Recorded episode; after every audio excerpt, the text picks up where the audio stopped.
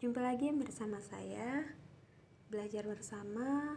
Kali ini kita akan mempelajari tentang audit sektor publik terkait dengan perencanaan pemeriksaan. Materi kali ini kita ambil dari Juklak Pemeriksaan BPKRI Sebelumnya kita harus tahu bahwa perencanaan pemeriksaan ini terdapat 10 aktivitas yaitu yang pertama adalah pemahaman tujuan pemeriksaan dan harapan penugasan. Manfaat dari aktivitas ini adalah untuk memahami tujuan pemeriksaan dengan dokumentasi berupa formulir pemahaman tujuan dan harapan penugasan. Lalu aktivitas kedua adalah pemahaman atas entitas dan proses bisnis. Manfaatnya adalah untuk memahami proses kerja entitas. Dokumentasinya adalah hasil pemahaman entitas. Lalu aktivitas yang ketiga adalah pemahaman hasil pemeriksaan sebelumnya. Manfaatnya adalah untuk mengidentifikasi tindak lanjut PPK serta mempelajari dampak. Dokumentasi dari kegiatan ini adalah analisis hasil pemeriksaan sebelumnya. Aktivitas keempat adalah pelaksanaan prosedur analisis awal.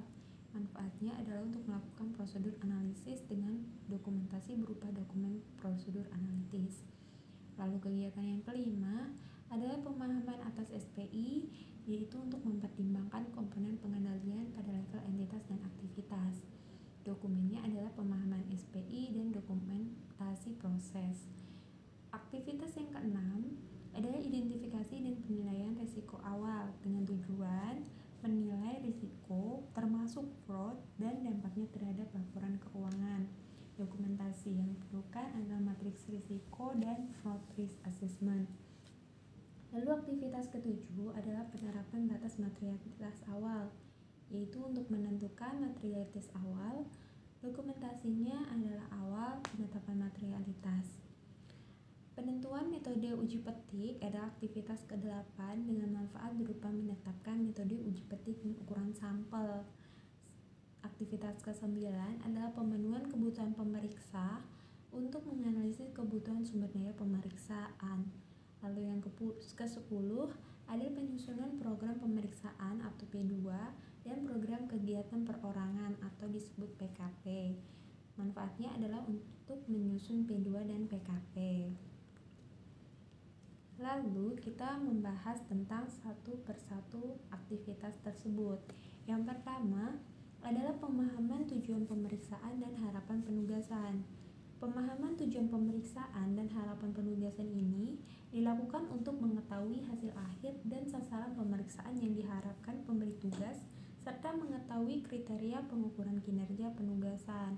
Pemahaman tersebut dilakukan dengan melakukan komunikasi dengan pemberi tugas oleh pemeriksa. Input yang diperlukan dalam tahapan ini antara lain laporan hasil pemeriksaan tahun sebelumnya, laporan hasil pemantauan tindak lanjut, survei pendahuluan atas entitas atau objek yang baru pertama kali diperiksa, database entitas, dan hasil komunikasi dengan pemeriksa sebelumnya. Arahan dan pesan dari badan atau kepala perwakilan untuk pemeriksaan pada BPK perwakilan yang disampaikan dalam forum atau workshop persiapan pemeriksaan juga dapat digunakan sebagai masukan untuk harapan penugasan. Tujuan pemeriksaan keuangan adalah untuk memberikan keyakinan yang memadai atau atau disebut reasonable assurance apakah laporan keuangan telah disajikan secara wajar dalam semua hal yang material sesuai dengan prinsip akuntansi dan berlaku umum di Indonesia atau basis akuntansi komprehensif selain prinsip akuntansi yang berlaku umum di Indonesia dengan memperhatikan kesesuaian laporan keuangan dengan standar akuntansi, kecukupan pengungkapan, kepatuhan terhadap perundangan maupun efektivitas SPI. Nah, dalam rangka pencapaian tujuan pemeriksaan tersebut, pemberi tugas ini mempunyai harapan-harapan penugasan. Harapan dari pemberi tugas tersebut harus didokumentasikan. Dokumentasi dari harapan penugasan ini menjadi salah satu dasar dalam penyusunan P2 dan penentuan kebutuhan pemeriksaan.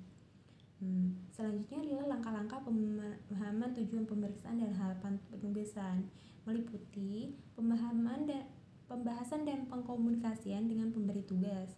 Pemeriksa bersama-sama dengan pemberi tugas, dia membangun pemahaman yang jelas dan dapat dijadikan dasar dalam mendefinisikan memprioritaskan, dan mengukur kinerja pemeriksa dalam pelaksanaan penugasan. Yang kedua adalah mengaju, pengajuan tujuan pemeriksaan dan harapan penugasan. Langkah ini dilakukan oleh pemeriksa dengan membuat penilaian atau pengkajian awal atas entitas dan memutakhirkan pengetahuan mengenai lingkup kerja entitas. Pemeriksa juga mempertimbangkan hasil pembahasan tahun lalu, catatan pertemuan-pertemuan hasil pemeriksaan tahun lalu, catatan pertemuan sebelumnya, dan diskusi-diskusi dengan entitas. Pertimbangan awal mengenai informasi tersebut memungkinkan pemeriksa untuk mempersiapkan pembicaraan dengan pemberi tugas dan menentukan area yang ingin ditelaah lebih dalam. Penilaian awal ini juga dapat digunakan untuk mempertimbangkan pemeriksa yang akan ditugaskan dalam pemeriksaan tersebut. Lalu yang ketiga adalah penetapan tujuan pemeriksaan dan harapan penugasan.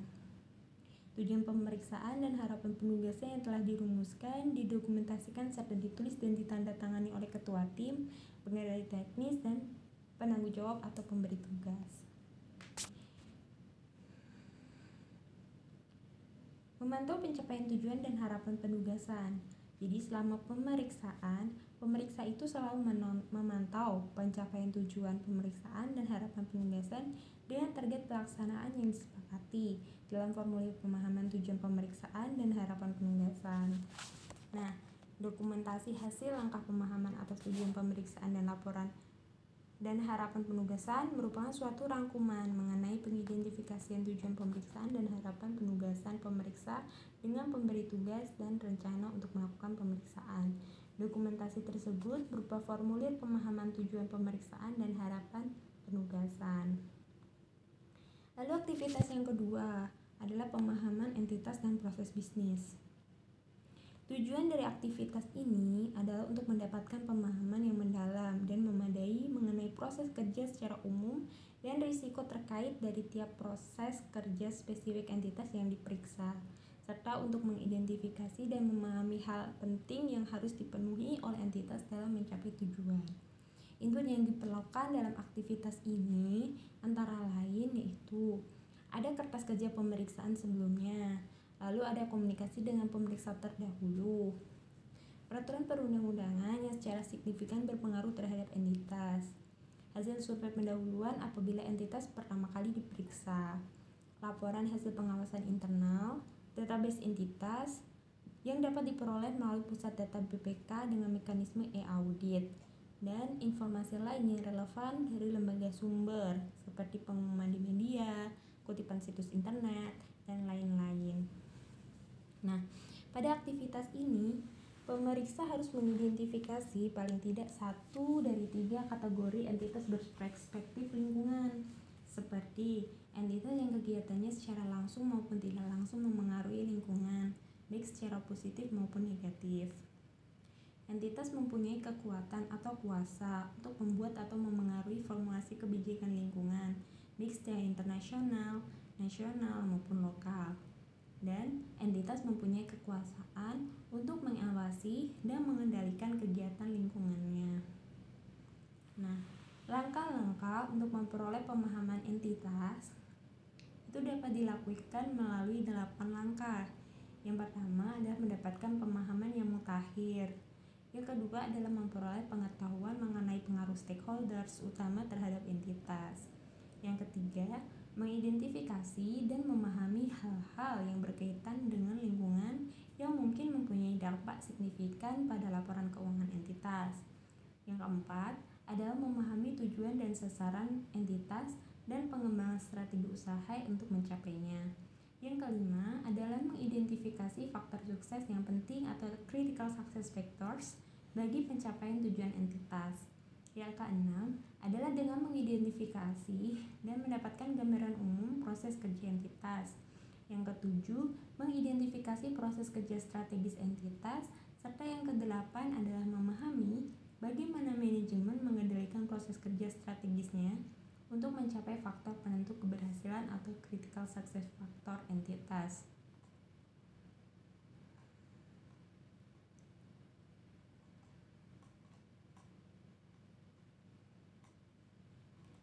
Selanjutnya adalah aktivitas pemahaman hasil pemeriksaan sebelumnya. Tujuan dari tahapan ini adalah untuk memperoleh pemahaman lebih mendalam mengenai proses kerja entitas dan risiko terkait berdasarkan hasil pelaksanaan tindak lanjut atas rekomendasi BPK. Input yang diperlukan antara lain laporan hasil pemeriksaan sebelumnya, matriks dan resume pemantauan tindak lanjut atas pemeriksaan sebelumnya, hasil analisis pemantauan tindak lanjut, laporan hasil pemantauan tindak lanjut, hasil pemahaman umum dan atas entitas, dan laporan hasil audit IT apabila pernah dilakukan pada entitas terperiksa.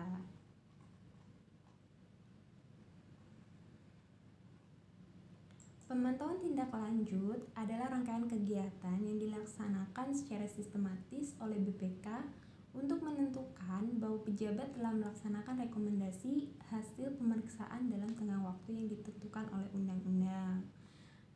Tindak lanjut yang dilaksanakan oleh entitas dapat pula mengindikasikan adanya risiko lain yang masih harus diperhatikan dalam pemeriksaan tahun berjalan Pemeriksa harus menyadari akan kemungkinan ini terhadap risiko pemeriksaan yang dilakukan. Rekomendasi signifikan atas hasil pemeriksaan tahun sebelumnya yang tidak atau belum seluruhnya ditindaklanjuti harus menjadi bahan pertimbangan atas pemeriksaan tahun berjalan.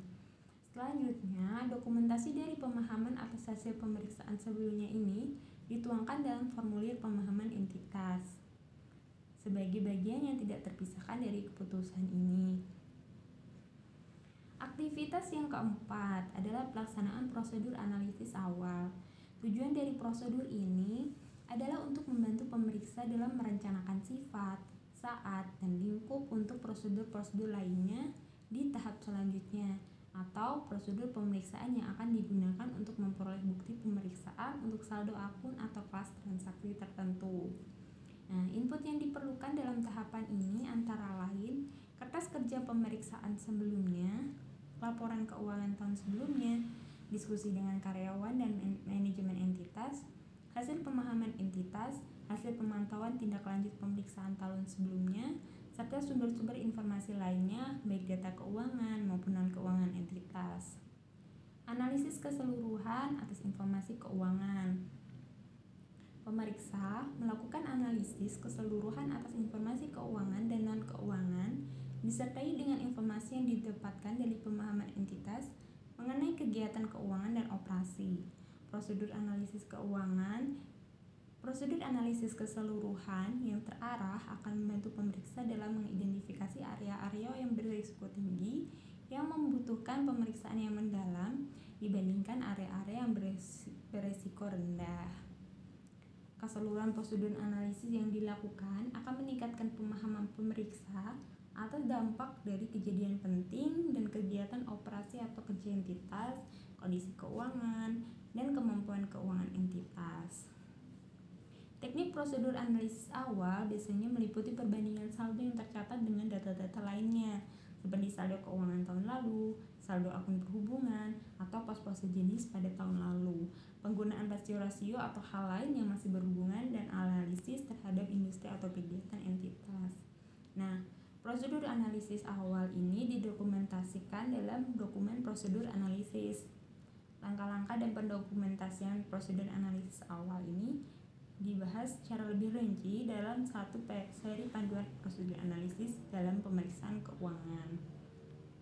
Selanjutnya, aktivitas kelima adalah pemahaman atas sistem pengendalian intern. Sistem pengendalian intern atau yang selanjutnya disebut SPI suatu proses integral yang didesain dan diimplementasikan oleh pimpinan dan seluruh pegawai untuk memberikan keyakinan yang memadai terhadap pencapaian tujuan entitas terkait dengan efektif dan efisien, keadilan dari laporan keuangan, ketaatan terhadap peraturan perundang-undangan, dan pengamanan aset. Pemahaman atas SPI ini bertujuan untuk mengkaji pengendalian internal yang diterapkan oleh entitas dalam menjalankan kegiatannya secara efektif dan efisien, serta mengkaji kemungkinan terjadinya kesalahan dan kecurangan. Dalam memahami SPI, dalam memahami SPI entitas, data dan informasi yang dibutuhkan itu antara lain dia butuh struktur organisasi, seluruh orang pekerjaan, proses prosedur operasi standar, kebijakan akuntansi, kebijakan dan keputusan penting yang diterapkan oleh pimpinan entitas, anggaran tahunan, laporan pertanggungjawaban, laporan kertas kerja pengawasan internal dan program pengawasan internal, serta peraturan perundang-undangan yang berpengaruh terhadap laporan keuangan entitas, dokumen komitmen, khusus untuk entitas yang menggunakan IT, maka pemeriksa harus memiliki pemahaman terhadap dokumen pengendalian terkait penggunaan IT, serta informasi dan data lain yang relevan. Hasil pemahaman SPI ini didokumentasikan dalam bentuk narasi transaksi, bagan alir atau flowchart, serta kuesioner SPI. Demikian adalah lima aktivitas dalam perencanaan pemeriksaan. Selanjutnya, lima aktivitas yang lain akan dibahas di kesempatan berikutnya. Terima kasih telah mendengarkan. Dadah.